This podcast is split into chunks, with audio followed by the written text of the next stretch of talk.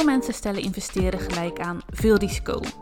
En dat is ook hoe het vaak in de media wordt neergezet: dat beleggen heel veel risico's met zich meebrengt. En dat het eigenlijk altijd veiliger is om je geld op je spaarrekening te houden. Nou, daar zijn wij het niet mee eens. Wij geloven namelijk dat investeren helemaal niet zo risicovol is en dat het zelfs minder risicovol is dan sparen. Ja, maar waarom denk je dat mensen denken dat het zo risicovol is? Ik denk dat het voor een heel groot deel gewoon conditionering is. Dat je ja, een beetje gewired bent om altijd voor het veiligste pad te kiezen. Ik denk als je ook kijkt naar hoe de maatschappij is ingericht, dan is dat natuurlijk ook wel wat je eigenlijk van jongens af aan meekrijgt. Dat je altijd, je wordt wel in een soort van standaard, naar een standaard pad geduwd. Ehm, waar bijvoorbeeld niet het ondernemen ook bij zit. Het is veel meer werknemer, huisje kopen, eh, een studie doen. Gewoon heel erg de veilige keuzes eigenlijk. Heel veel verzekeringen afsluiten. Veel verzekeringen, ja. Misschien ook wel heel Nederlands. Ja, en heel menselijk. Want ik denk ook, het is natuurlijk ook zo dat ja, uit al die onderzoeken ook blijken dat je brein ook niet van veranderingen en onvoorspelbaarheid houdt. Dus dat je ook dat het voor mensen ook daadwerkelijk moeilijk is om uit je comfortzone te stappen. Ja. Omdat je brein gewoon heel erg in de tegenaanval gaat en jou eigenlijk soort van veilig wil houden. ja, en dan de conditionering die je van jongs af aan meekrijgt, maakt het niet echt makkelijker om, eh, om risico's te nemen.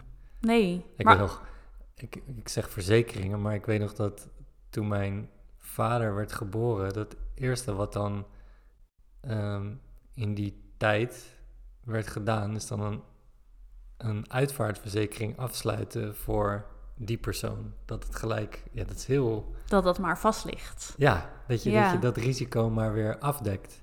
Ja, maar ook als ik naar mezelf kijk, dan, of, of naar hoe ik ben grootgebracht. Mijn ouders waren ook heel erg van het risico vermijden. Ja, Altijd maar inderdaad de wat meer veilige opties kiezen. En vooral niet, als je dan een risico neemt, dan moet het ook wel echt klein en heel erg gecalculeerd Ja. zijn. En nou en in die zin, kijk als je het nu zo zegt, zeker het verzekeringsstuk, dat is natuurlijk ook, het is gewoon big business. Om risico Ja. te vermijden. Dat is een hele, hele industrie omheen gebouwd. nou, ik denk dat je dus altijd geld laat liggen op het moment dat je risico vermijdt. Inderdaad, dus door verzekeringen, want je be- bent met verzekeringen eigenlijk altijd duurder uit dan wanneer je geen verzekering hebt. Maar bijvoorbeeld ook net als dus inderdaad loondienst of ondernemen. Ja, de meeste miljonairs, dat zijn allemaal ondernemers of ja investeerders mensen in of mensen die echt grote Nee. risico's hebben genomen. En inderdaad niet de mensen in loondienst. En dat is dus ook net als met beleggen van...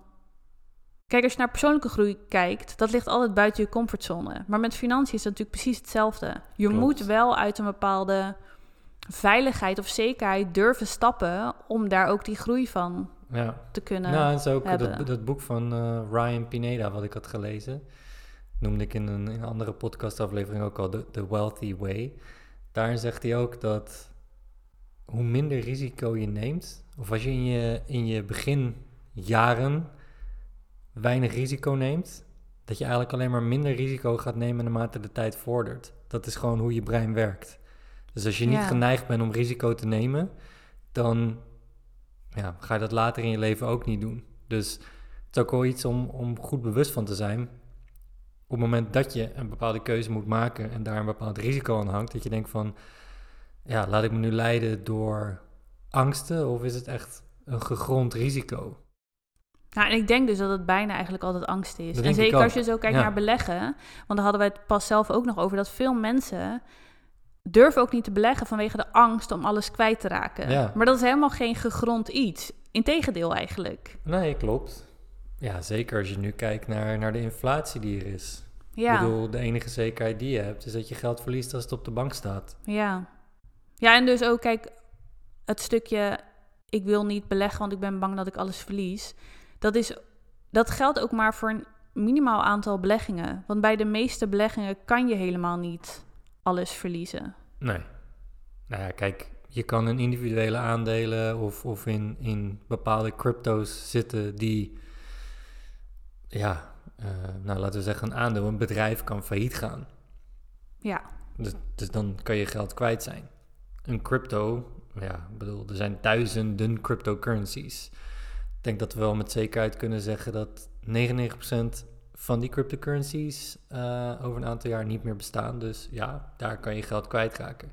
Maar er zijn ook een hele rits aan beleggingen waar je dat risico niet hebt. Omdat je kan kiezen voor bijvoorbeeld spreiding. Als je een, een fonds zou kopen, nou in een fonds zitten meerdere beleggingen. Dat zou als je, als je je geld kwijt zou raken in een fondsbelegging, zou betekenen dat elke belegging in dat fonds naar nul moet gaan. Ja, nou, en dat, gebeurt niet. Nee. Nee. En, en als je kijkt naar het verleden, en daar hebben we decennia aan data van, voor verschillende indexen over de wereld, aandelenindexen, die stijgen allemaal op de lange termijn. Ja.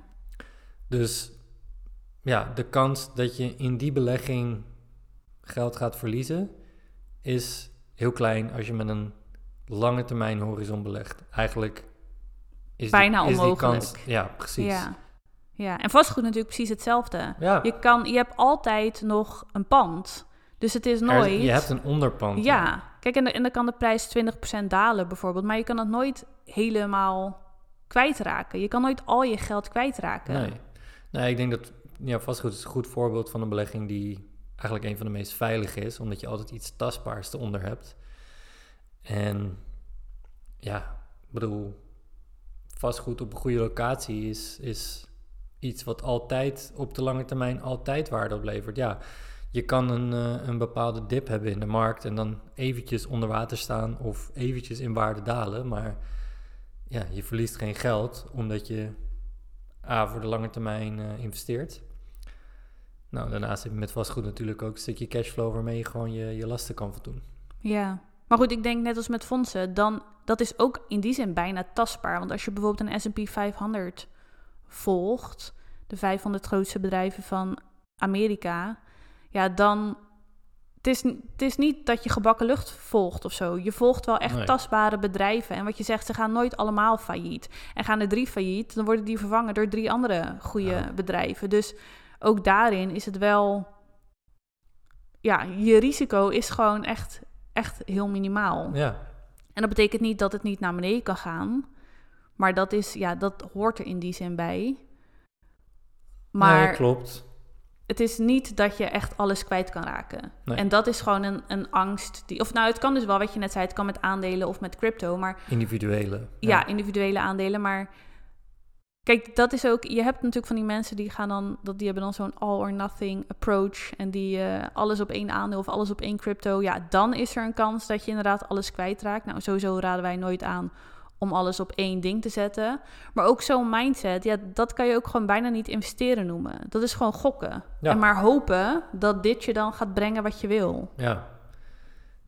En het is natuurlijk ook zo, bedoel, je kan, ehm, als, je, als je in individuele aandelen zit, dan, dan ben je heel erg geconcentreerd aan het beleggen. En dan heb je, ja, je moet spreiding aanbrengen. Ja. En als je, dat, als je dat niet doet, dan heb je de kans om geld te verliezen, inderdaad. Maar dat, dat, dus dan, dan komt er ook een stukje strategie en aanpak bij kijken. Waarbij wij altijd zeggen, tuurlijk kan je in individuele aandelen beleggen.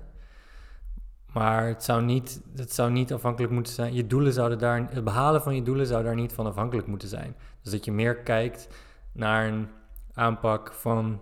Je hebt een aantal core beleggingen die ja, met enige mate van zekerheid kan je daarvan stellen van die groeien met dit percentage gemiddeld per jaar. En, en daar baseer je je doelen op. En daaromheen zou je wat beleggingen kunnen hebben die ja, misschien wat meer risicovoller zijn in individuele beleggingen, in individuele aandelen, crypto's, dat soort zaken. Ja, maar dan is het meer een extraatje inderdaad. En niet dat je daar al je hoop op vestigt van... ik wil bijvoorbeeld financieel vrij worden... dus ik gooi al mijn geld in een individueel aandeel of een crypto. Of nee, precies. Inderdaad, gewoon je basis moet gewoon zoveel mogelijk zekerheid zijn. En dat is hoe wij dat zelf altijd hebben gedaan. Dat is hoe we dat inderdaad ook met klanten doen. Want je wil ook juist... Kijk, als wij ook kijken naar, naar de mensen die met ons samenwerken nu ze hebben ook helemaal geen zin om er heel veel tijd in te steken of, of daar continu mee bezig te zijn of heel erg die volatiliteit maar te moeten uitzitten. Dus je wil eigenlijk gewoon zo makkelijk mogelijk beleggen met zoveel mogelijk zekerheid, maar wel met zo hoog mogelijk rendement. En daar moet je je plan omheen bouwen. En al die andere dingen, die kun je er dan bij halen. Maar dat is meer als je daar zin in hebt. Als je je wilt verdiepen in aandelen of bepaalde crypto en dat wil bijhouden op Ja. dag- of weekbasis. ja, maar daar komt ook gewoon veel meer tijd bij eh, Ja. kijken. Maar dat is denk ik ook, mensen halen dat ook. Mensen denken bij beleggen al heel snel van, oh, dat is met die crypto's, wat dan allemaal heel eng en spannend en volatiel is. Of je moet in aandelen. Maar ja, mijn buurman heeft een keer een, een aandeel gehad en het bedrijf ging failliet. En, maar beleggen kan zoveel meer zijn dan aandelen en crypto.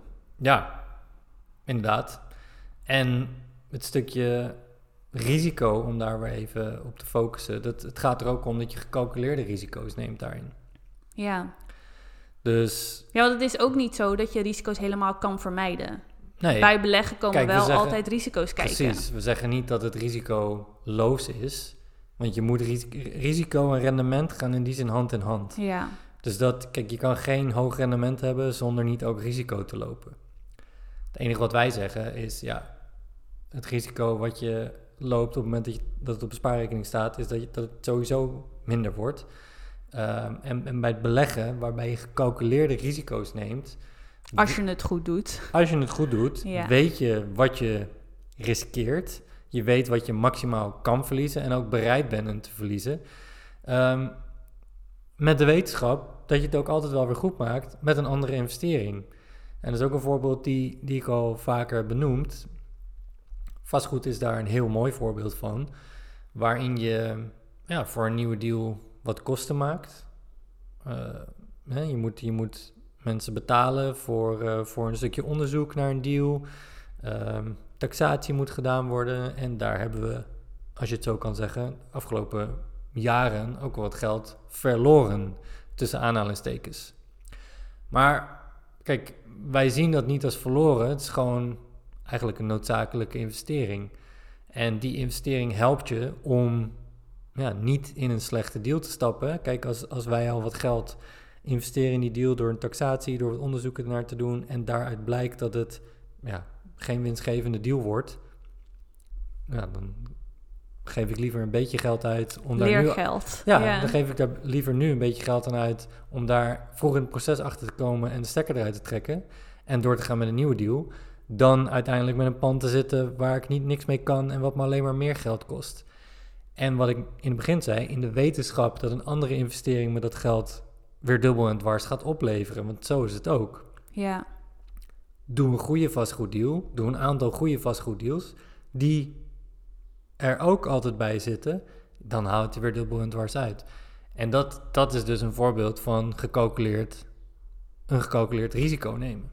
Ja, dat elke vastgoeddeal is in die zin een financieel risico. Want je weet nog niet of het een goede deal is. Je weet nog niet hoe het gaat uitpakken. Maar inderdaad een risico die je bereid bent te nemen. Omdat je inderdaad weet van als dit niet werkt, dan komt er wel iets anders wat werkt en waarmee ik dat makkelijk terugverdien. Ja, Ja. En ik denk ook wat ook meehelpt qua risico, of waar mensen denk ik ook ehm, misschien te weinig over nadenken, is het stukje verschil tussen korte termijn en lange termijn. Kijk, op korte termijn, als je focust op de korte termijn, dan zijn je risico's inderdaad veel groter. Want had je dan bijvoorbeeld een jaar geleden ingestapt, ja, dan had je nu, ongeacht waar je ingestapt was, zou je nu denk ik in het rood staan.